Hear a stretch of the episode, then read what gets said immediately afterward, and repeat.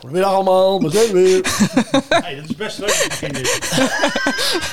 voor mij zit van mij. Nu weer. Dit moet erin, dit moet erin, dit is leuk, dit is Heerlijk, leuk. lekker. We We zijn weer beginnen. begonnen met eh, zo. What the Beep, de podcast eh, van Bibliotheek Waterland en de Westfriese Bibliotheek. De biep. Dit is een podcast van de Westfriese Bibliotheken en Bibliotheek Waterland. Want de biep doet meer dan je denkt. Wat de biep.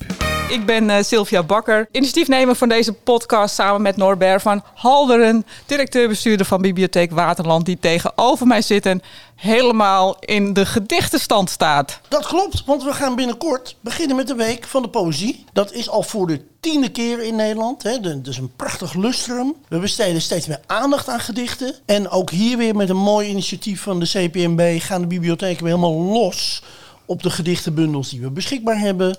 En we gaan mensen weer aantrekkelijk binnenhalen. Zeggen jongens, doe nou ook eens mee, lees eens wat gedichten.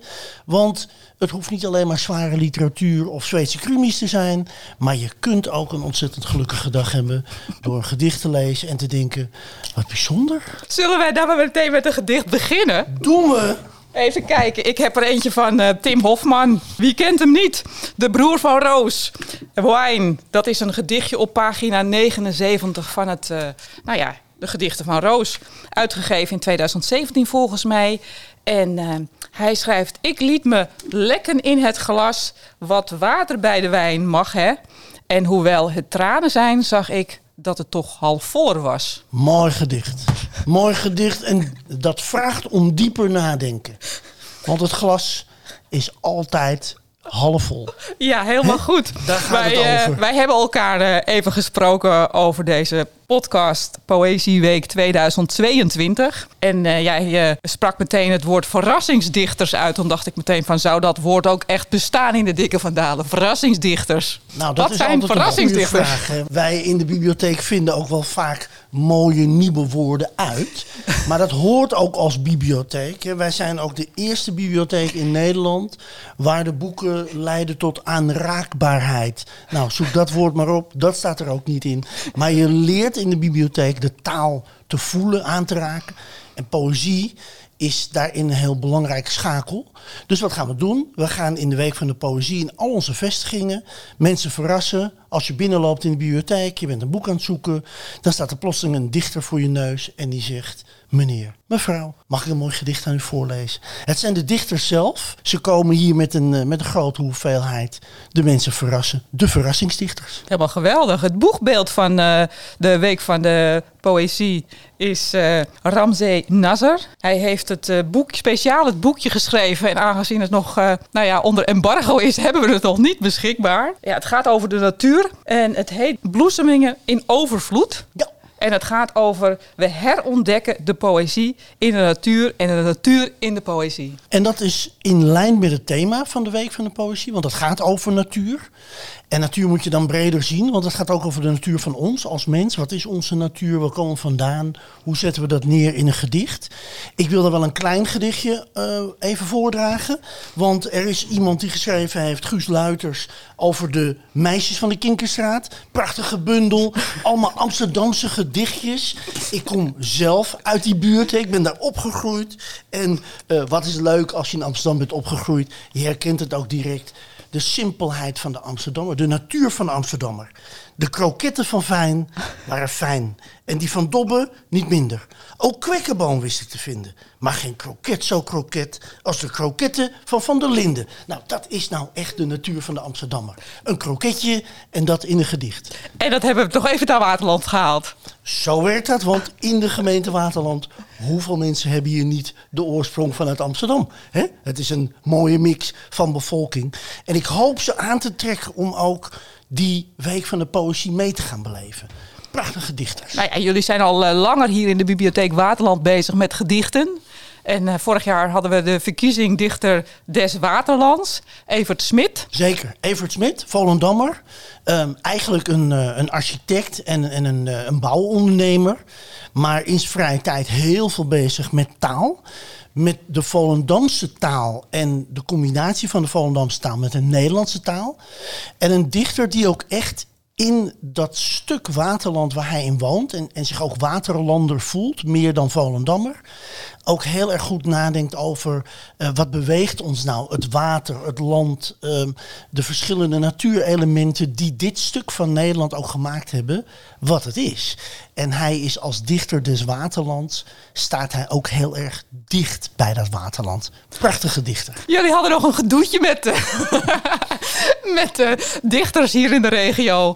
Omdat de naam Dichter des Waterlands eh, ja, werd geclaimd door een aantal vooraanstaande dichters. Ja, dat is altijd lastig, want ehm, het idee bestond dat de dichter des Waterlands, dan zou je dat eigenlijk moeten doen met een dichter uit de gemeente Waterland. De regio Waterland is natuurlijk een hele grote regio. En daarbinnen was het initiatief van de gemeente Volendam in samenwerking met de bibliotheek. We gaan beginnen met een dichter des Waterlands. Eh, voor het komend jaar wordt dat regio breed gedaan. Dus er zullen wel heel veel meer dichters aan meedoen. Maar het is ook belangrijk dat je zo'n initiatief op een gegeven moment neemt. Omdat dichters, uh, dichter des vaderlands, dichter uh, van de stad Groningen, de dichter van de stad Amsterdam. Het draagt echt wel bij aan het bewustzijn van de bevolking over zijn eigen regio, over zijn eigen oorsprong. Maar het is ook leuk om wat leeft binnen dichters uit een regio het daglicht te laten zien. Dat, dat, daar hebben we echt met z'n allen wel een hele mooie rol in om dat te doen. En je ziet dat dat ook onder de jongeren heel erg speelt. Zeker. Ja. Want inderdaad, uh, Tim Hofman weer even, die spreekt ook een hele generatie jongeren aan om te gaan dichten, om gedichten te lezen. En dat is alleen maar heel mooi. En uh, nou ja, je noemde ook dat er een safari in de bibliotheek uh, gaat plaatsvinden. Ja, een safari. Uh, meer een, uh, een, een om het zo te noemen. Dat Misschien is het. dat een betere uitdrukking. Ik, uh, ik leg dat wel even uit hoe we dat gaan doen. Kijk, uh, Evert Smit heeft in Volendam ook een hele grote invloed op jonge dichters. Dus we hebben samen met de gemeente Volendam ook echt een cultuurinitiatief genomen. Om jonge dichters in Volendam ook echt de ruimte te geven hun gedichten voor te dragen. En we gaan een soort marathon beginnen. Dat doen we in de bibliotheek Volendam. Dat is eigenlijk onze eerste. Uh, zeg maar onze spirituele kroeg waar we beginnen. En daarna gaan we door Volendam heen. In het kader van de sluiting uh, die met COVID te maken heeft, gaan we een zogenaamde kroegentocht doen over de markt. En het thema is, we dichten de kroegen dicht. En daar komen prachtige gedichten voorbij. Ja, want de kroegen zijn natuurlijk nu nog dicht. Dat is correct. En, en ja, dichters, dat is ook wel leuk. Hè? Dichters zoeken natuurlijk ook best soms de randen van de mogelijkheden op. Dat moet. Hè? Als dichter moet je ook soms ja, net iets over de andere kant dichten en praten.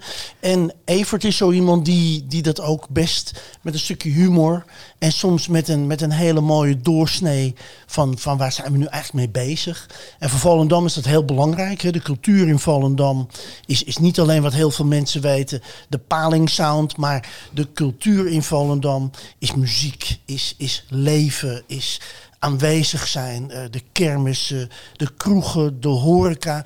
Maar mensen leven ook dichterlijk. Ze houden van hun omgeving, ze houden van het water, ze houden van taal.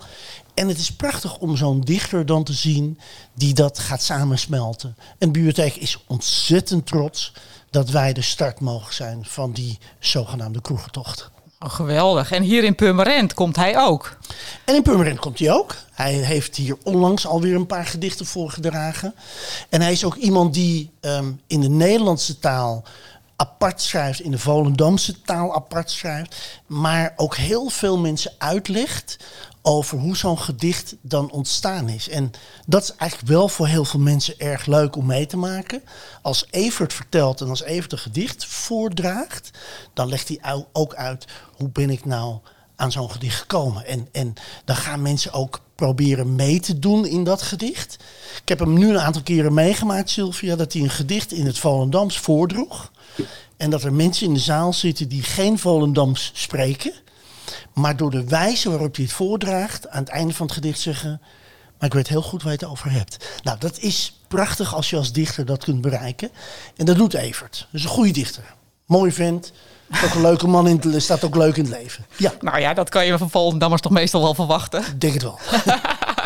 En volgens mij wil je er nou eentje voorlezen. Of zal ik Nou, hem voorlezen? Ja, misschien zal ik even iets voorlezen van Evert. Want, want het is ook een beetje een ode aan de dichter des Waterlands. Want het is gewoon een hele mooie Een- dichter. Een ode aan de dichter des Waterlands en een ode aan de kroeg. Zeker. En in dit geval heeft eh, hij heeft een gedicht geschreven dat heet Rood, Wit, Blauw. Het gaat over ons land. Het land wordt opgebouwd is uit water. Moed verschijnt in lagen van lucht en vochtig aarde. Zonder kleur geen diepte. Van waar wij liggen zonder te verlagen. Water dragen tot het eind. Doordringt van hand in hand. In elkaars diepte het hoogste. Dapper werden lage land. Zo zijn we ontstaan volgens Evert Smit. Hoe mooi is dat? Dat is prachtig. Jouw eh, voorganger, eh, directeur-bestuurder van eh, deze bibliotheek, die begon volgens mij de week met een gedicht met het personeel. Heb ik wel eens meegekregen. Ik weet niet of dat wekelijks was of hij stuurde dat rond. En dat gast gaf dan toch altijd wel wat inspiratie onder de medewerkers. Sommige medewerkers hadden zoiets van, waar slaat dit nu weer op? En een ander die vond dat weer prachtig. Maar ik denk wel dat het het gesprek losmaakt. En ik denk ook dat dat wel de bedoeling is van gedichten. Wij hadden het ook even over de Weense koffiehuizen. Zeker. Want ja, het was iets heel raars. Ik dacht aan een eh, boekje van eh, Caroline de Gruyter, het Habsburgse Rijk. En eh, daar werd een vergelijking gemaakt van nou ja, hoe de politieke discussie op gang kwam doordat mensen naar het koffiehuis toe gingen, daar de krant konden lezen, in gesprek gingen met een andere bezoeker van het koffiehuis en dat er toch een bepaalde cultuur is geweest in de Europese geschiedenis om mensen met elkaar in verbinding te brengen. Ja, en, en ik heb zelf het genot gehad om vaak in Wenen in de koffiehuis te zijn.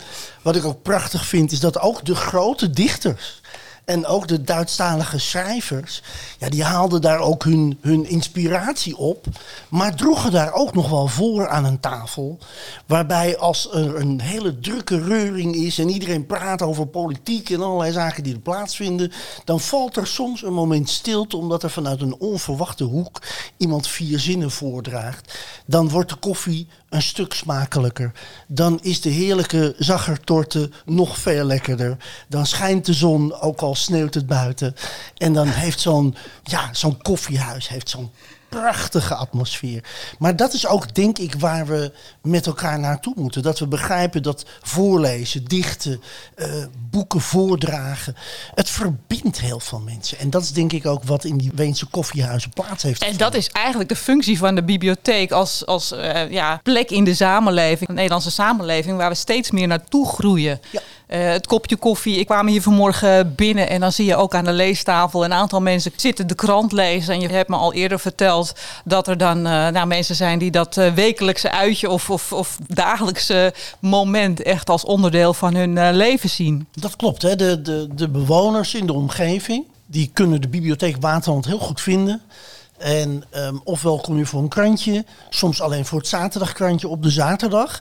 Maar er zijn ook mensen die dagelijks binnenlopen en even een boek uit een vak halen, een stukje lezen, weer weggaan en de volgende dag terugkomen en hopen dat dat boek nog niet uitgeleend is. Want dan lees ik het volgende stukje van het boek. Nou, dat is ook een prachtig. Hè, er dat is ook, een- er zit ook een beetje spanning in. Ja. Is dat boek er nog? Kan ik het volgende stukje lezen? Maar het is, het is zeker zo dat de bibliotheek Waterland. Ja, dat is een hele mooie plek waar mensen samenkomen. En we zijn nu, we staan aan de vooravond notabene. Na de Week van de Poëzie gaan we beginnen met speciale boeken ehm, in de bibliotheek te plaatsen. Eh, echt hele grote, bijzondere boeken die wereldwijd maar met 10 of 100 exemplaren gemaakt zijn. Waar mensen straks ook met handschoentjes aan door prachtige boeken kunnen bladeren. Want ik wil zo graag zoveel meer mensen in aanraking brengen met dat boek. En dat, Dat is dat, dat, is dan niet zozeer als commerciële gedachte van meer mensen naar de bibliotheek, maar gewoon in aanraking laten komen, eh, beleven hoe mooi dat lezen is en het in contact komen met, met taal en mooie verhalen. Het Poëziegeschenk 2022 dus van eh Ramzi Nasser, dat heet volgens mij ook Wij waren onder de betovering. Ja, En eh, dan eh, komen we toch weer bij jouw dromen uit, waar we het eh, in deze podcast al vaker over hebben gehad. We moeten meer dromen, maar ook betoverd worden. Ja, ik vind ook echt, en dat is ook, daar is de bibliotheek ook echt voor. Ik heb net weer, dat is ook wel leuk, we, zijn met een aantal nieuwe mensen bezig die bij onze bibliotheek gaan werken. De bibliotheek groeit. Ik sprak gisteren ook een dame die bij ons komt werken en die dame zei, Norbert, ik had geen idee wat de bibliotheek was en ik zie hoeveel mooie dingen er zijn. Iedereen die die bibliotheek Waterland een beetje leert kennen, ook binnenin komt kijken, de achtergrond ziet. Het is ook wel een betoverende organisatie, want er gebeuren zoveel leuke dingen, maar het is ook prachtig om te zien. Ik heb twee collega's in de front office, geweldige mensen. Die hadden twee weken geleden weer een nieuwe tafel opgemaakt ergens in de bibliotheek. Ik laat me dan ook verrassen, ik loop er dan langs. En het was een tafel, het thema van die tafel was een kilo. En ik dacht, wat is het thema een kilo? Maar daar lagen allemaal hele zware boeken. Nou, dat vond ik zo grappig. Variatie met allemaal thema's. Het gaat nergens over. Maar toen dacht ik, het is ook wel bijzonder dat er zoveel boeken zo dik zijn. En daar lag bijvoorbeeld ook een gedichtenbundel voor kindergedichten. Nou, dat is echt een boek van ongeveer 10 centimeter dik. Nou, gewoon prachtig om te zien. Een boek wat echt, denk ik, gewoon anderhalve kilo weegt. Hè? Opa en oma moeten dat op schoot nemen om uit voor te lezen. Je kan je hele leven lang voorlezen. Maar ik dacht, ja, dat is ook wel leuk. Zo'n zo'n bibliotheek laat soms ook vanuit een heel andere kant zien. Wat is er eigenlijk allemaal in zo'n bibliotheek? Ik vind het geweldig. Ja, ik vind dat superleuk. Want we gaan vaak, eh, mensen die weinig lezen, die zeggen dan vaak van nou, als het maar niet zo dik is. En eh, ik merk dan heel vaak als ik een, eh, als ik een boek eh, uitkies van nou ja, waar gaat het eigenlijk over? En ik, ik heb de afgelopen jaren toch best wel wat boeken van 500 of 600 pagina's gelezen. Omdat ik dan zo gevangen werd door dat verhaal. En ja, er is toch best wel vaak angst voor dikke boeken. Ja, maar wat ik, wat ik wel zie als je mensen meeneemt, hè, dat is ook een rol van de bibliotheek, als je mensen meeneemt in het lezen van een boek. En je kunt mensen ook het, het juiste boek adviseren, waar bijvoorbeeld aan het einde eigenlijk nog niet alles verteld is.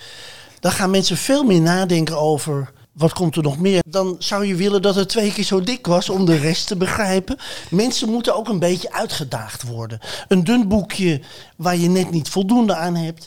En een dik boek waar je na 40, 50, 60 pagina's nog steeds helemaal in de wolken bent. En eigenlijk zo'n boek doorvreet om uiteindelijk ook het hele verhaal te begrijpen. Ik heb onlangs uh, de geschiedenis van onze uh, zeevaarder Maarten Tromp gelezen. Het boek Het Monsterschip, dat is uh, nog niet zo lang geleden uitgegeven. Prachtig geschiedenisboek. Het zit vol met prachtige feiten, maar het verhaal, de rode draad van hoe Maarten Tromp de Nederlandse scheepvaart na Piet Hein weer volledig nieuw leven inblies. En de grote Spaanse armada tot in minimale stukjes fileerde, waardoor Nederland zijn positie in die 80-jarige oorlog weer terugkreeg. Het is prachtig om het te lezen. Het boek is ontzettend dik, maar het is eigenlijk te dun om het allemaal te begrijpen. Nou, dat is prachtig als je zo. Maar je wordt helemaal meegezogen in, in het verhaal. Want we leven natuurlijk nu wel in een samenleving van ik heb het gelezen op Wikipedia, dus ik snap het en ik weet het. Precies. precies. En dat is natuurlijk niet zo, want de beleving die uh, ja, door dat historische onderzoek of, of wat er ook achter zit in zo'n verhaal verwerkt is, is natuurlijk geweldig. Nou, wat ik, ook, wat ik ook interessant vind, en dat is ook wat je in de bibliotheek leert, zo'n boek als dat boek wat ik gelezen heb, het Monsterschip. Het, het interessante is dat eigenlijk in het boek komen al onze zeehelden voorbij. Want die hebben allemaal een plaats in die tijd. Maar heel veel mensen wonen in de Janeefse de Ruiterplein, uh, noem maar op. Ik wist niet, hè, dat moet ik je eerlijk zeggen, hè, dat even los van de podcast. Hè, maar ik las dat boek Monsterschip. Ja, ik ken Maarten Tromp. En, en ik vond het al bijzonder dat ze hem niet Maarten Harmzoon Tromp, maar misschien gewoon Maarten Tromp. Dat heeft die schrijver bewust gedaan, omdat je anders zinnen krijgt die zo lang zijn. Dat is ook onzinnig. Maar toen las ik inderdaad dat Maarten Tromp, zijn, zijn grootste uh, assistent was kapitein Witte de Wit. En toen dacht ik, god, ik wist helemaal niet dat die twee bij elkaar hoorden. Ik, ik had wel vlak bij de Witte de Witstraat gewoond, maar ik had helemaal geen idee dat het zo was. En naarmate ik verder ging, dacht ik, nou, dat is ook apart. En die straat kwam erbij. En, en nou, dat, dat vind ik dan wel humor. Dat je midden in zo'n geschiedenisboek in één keer toch ook je eigen buurt voorbij ziet komen.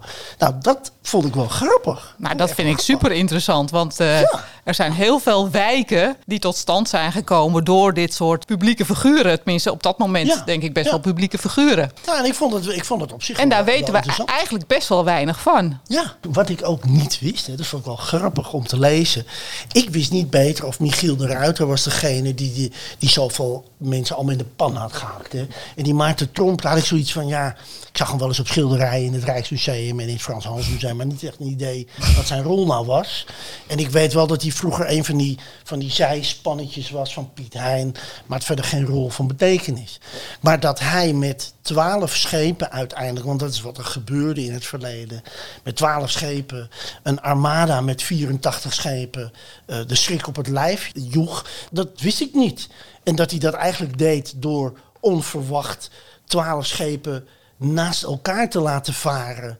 Maar met de kanonnen naar de armada gericht. En de zeilen overdwars te zetten. Waardoor het een mega schip bleek te zijn. Nou, dat wist ik niet. En dat die Spaanse armada daar zo van onder de indruk was. Dat ze dachten, hoe gaan we dit aanpakken? Nou, dat vond ik wel bijzonder. Dat je dus als simpele Maarten Tromp. Een enorme elite macht van Spanje. Gewoon voor de gek houdt. En vervolgens voordat ze door hadden de helft van de schepen lek schoot. Nou, dat is leuk om te lezen. Dat is, dat is interessant. Maar ik vond het met name interessant omdat ik mijn hele buurt voorbij zag. Wel grappig, hè? hoe kan dit? Nou ja, dat is het leuke van boeken. Maar hoe kom jij dan bij zo'n boek terecht? Dat is wel interessant. Kijk, wat interessant is, ik luister op zaterdagochtend luister ik naar eh, verschillende programma's. Je hebt de boekbesprekingen vanaf 10 uur. Je hebt eh, Frits Spits met de taalstaat. En ik luister elke avond op weg van de bibliotheek naar huis ook naar het programma Kunststof. En daar komen verschillende mensen aan het woord. En daar hoorde ik over het boek Het Monsterschip. Ik hou van geschiedenis, maar ik had ook wel interesse van, goh, het is een boek, hè? wij van de bibliotheek hebben we het boek. Nee, het is een nieuw boek. Nou, wanneer hebben we dat boek? Dan denk ik daar wel meteen over na. En toen hoorde ik inderdaad dat deze schrijver gewoon het belangrijk vond dat ze eens een keer het verhaal van Maarten Tromp goed onder het voetlicht kwam. En ik wist ook niet dat Maarten Tromp een, een vertrouweling was van destijds onze grote prins. Ehm, het was de belangrijkste man in het totale veld van de militaire eenheden in Nederland. Ik vond het wel heel grappig. En dan ben jij archivaris in de Tweede Kamer. Maar ik las bijvoorbeeld in dat boek van, van Trump ook... dat er heel veel politiek gekonkel plaatsvindt. En het is ook heel erg goed beschreven... hoe zo'n grote zeeheld eigenlijk moest soebatten om geld. En echt alles in Den Haag af moest gaan. Maar ook nog geconfronteerd werd destijds met een provincie Groningen. Die zei. Ja, wij betalen helemaal niet mee aan zo'n zeemacht, want wij hebben helemaal niks aan die zeemacht. En, en een Utrecht dat zei, ja, wij liggen helemaal niet aan zee, waarom zouden wij mee moeten... Nou, dat vond ik wel heel erg bijzonder. Politiek gekonkel. Geweldig dat dat beschreven is. Ja. Het is echt ontzettend leuk. Het is een heel erg interessant Ja. boek. Ja. Nou heb ik het niet gelezen. Ik kon het boek ook helemaal niet. Maar ik heb meteen wel een soort van associatie met het Mauritshuis... waar ik ongetwijfeld eh, portretten of schilderijen heb gezien... waar Maarten Tromp dan op staat. Net zoals dat er daar een prachtig portret van Michiel de Ruiter hangt. Zeker. En Maarten Tromp is, is echt. Nou, dat boek Het Monsterschip geeft mensen ook een beetje een inzicht in het leven aan boord van schepen destijds. Maar wat bijvoorbeeld ook heel erg interessant is, is dat je daar eigenlijk ook al ziet hoe Dordrecht en Rotterdam, en dan praten we over 1600, hoe die scheepswerven daar eigenlijk al in ontwerp waren. En dat wij nog steeds Rotterdam zo'n zo'n grote plek in de wereld zijn, dat was destijds al vastgelegd. Nou, dat is ontzettend Ontstaan, ja. Ja, dat is prachtig. Nou ja, dat is wat boeken doen. En vooral historische boeken. Maar we dwalen nu weer af van de gedichten naar historische zeehelden. Ik vind het helemaal geweldig. En dat is inderdaad wat er gebeurt in de bibliotheek. Je denkt, ik ga een leuk eh, prentenboekje over monsters lenen. En je komt terug met een, eh, met een boek over, eh, nou ja, ik wou zeggen de Tweede Wereldoorlog. Maar dat is dan wel weer een beetje heftig. Maar eh, we kunnen ook inderdaad eh, naar de verdere geschiedenis gaan. Of naar de actualiteit. En ik zie dat je inmiddels alweer een heel leuk gedicht hebt gevonden. Ik weet niet of het een leuk gedicht is, maar dit zijn gedichten van Menno Wigman. Het eh, boekje heet Dit is mijn dag.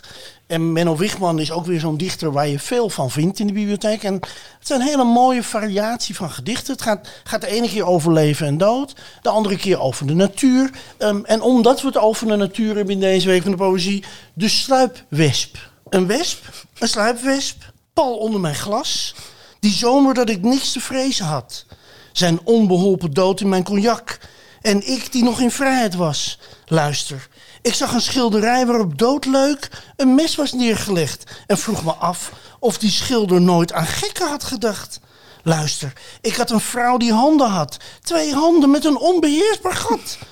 Dus stal ik wel eens wat? Of brug ik in? Geen woord over die nacht dat ik betrapt. Natuurlijk kwam dat wapen niet van pas. Hier spreekt een dapper hoofd vol dom verdriet dat 60 maanden tegen glas aanvliegt. Een mooi gedicht. Ik vind het prachtig. Ik wou zeggen, nou ja, ik heb er ook eentje open liggen van Anneke Brassinga. Het wederkerige. Zij uh, is uh, volgens mij uh, ook een bekende dichter. Aan zee, de wind weegt de woorden, bevindt ze te licht. De wind huilt, veegt de woorden van tafel uit het zicht. Het stormvogeltje dat ze opslikt, zal stijgen tot de hoogten van de reuzen albatros. Of alleen nog willen reizen, zoals ik, bestoven aap op stok. Een stukje natuur van Anne Brassing. Zij is echt een hele belangrijke dichter voor Nederland. Vlak na de oorlog geboren en, en een vrouw die uh, ook heel graag direct al vanaf het moment dat zij gedichten ging maken, de randjes opzoekt om mensen mee te nemen.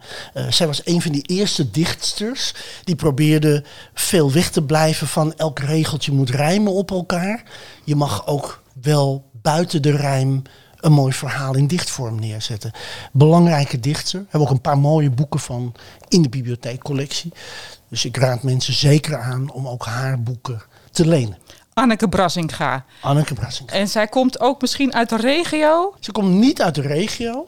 Maar zij is wel, ik moet wel zeggen, zij is in Nederland onder mensen die, die echt wel van dichtbundels houden. Zij is echt wel een geliefde dichtster. Ik lees inderdaad op de achterkant van het boekje een van de belangrijkste dichters van ons land. En ze heeft uh, de PC Hoofdprijs in 2015 gewonnen. Wie de gedichten van Brassinga leest, stapt binnen in een geestverruimende heelal van taal. Ik, Mooi, leer, ik leer steeds weer wat. Ja, maar dat is de bedoeling met de Week van de Poëzie. Want daar moeten we denk ik in deze podcast ook wel over praten. Er zijn natuurlijk heel veel mensen die komen boeken lenen in de bibliotheek. Maar het zijn vaak verhalen, romans, fictie, soms non-fictie. Maar er is eigenlijk best wel een tekort aan poëzie in de bibliotheek. Je ziet dat wij ook zelf, we proberen dat uit te breiden, maar we hebben twee grote vakken, twee schappen vol. Maar je zou eigenlijk veel meer poëzie moeten aanbieden. En mensen zouden ook veel meer moeten durven om poëzie te lenen. Want poëzie is echt wel verrijkend. En soms in één gedicht, op één pagina, staat er net zoveel verrijking als een heel boek wat je leent. Dus dat maakt het ook alweer interessant. Dat Maar mensen moeten daarin worden meegenomen. Zeker. En volgens mij zijn er ook genoeg cursussen of in ieder geval bijeenkomsten om gedichten te kunnen begrijpen. Zeker. En eh, dat wordt eh, inderdaad ook gestimuleerd vanuit de bibliotheek. En zoals je net al zei, ik zit in de auto en ik luister bepaalde programma's en ik word geïnspireerd door iemand die vertelt over een boek en dat ga ik lezen. Ehm, is het doel van de Week van de Poëzie natuurlijk ook om mensen aan te zetten en te inspireren om dichters zoals eh Ramsey of Annette of Tim Hofman uit de kast te pakken. Ja, en ik denk dat de Week van de Poëzie ook die verrassingsdichters die straks gewoon tussen de schappen lopen en mensen aanspreken. Die verrassingsdichters die zijn er ook echt om mensen heel even wat helderheid te geven. Joh, wij hebben ook hele mooie gedichtenbundels. Het is ook heel erg plezierig om een keer een gedicht te lezen. Dus we gaan er ook in die week van de poëzie weer een heel groot feest van maken. Nou, geweldig om, eh, om te horen. En de dichter des Waterlands, is die nu voor 2021 dichter of is die dat voor een bepaalde periode? Nou, we zullen dit jaar weer beginnen met de verkiezingen van de Dichter des Waterlands. Maar dan in een bredere regio. Dus ja, de Dichter des Waterlands is voor een jaar gekozen. Net als de Dichter des Vaderlands en net als andere dichters. Hè. We, ieder jaar hebben we weer... Maar breder in de regio, dus hij kan ook uit Landsmeer komen Zeker. of uit de Beemster of uit Edam of eh, nou ja, uit Purmerend. Zeker. We moeten een oproep doen om eh, in ieder geval mensen te laten dichten. We gaan mensen enthousiasmeren om meer te dichten. En ook meer gedichten in te sturen. En ehm, onder leiding van de Dichter des Waterlands zijn we dus ook in Volendam in de scholen begonnen. Met veel jongeren te enthousiasmeren om gedichten te schrijven. Nou ja, daar kunnen we nog heel veel over vertellen. Maar ik denk dat we in deze podcast al heel veel hebben besproken. In ieder geval de start van de week van de poëzie. De verrassingsdichter. Je hebt een prachtig verhaal verteld over eh, Maarten Tromp. Ik eh, denk dat dit weer een eh, hele leuke Wat de Biep is geworden. De podcast om mensen mee te nemen in de mooie activiteiten van de bibliotheken in de regio Waterland.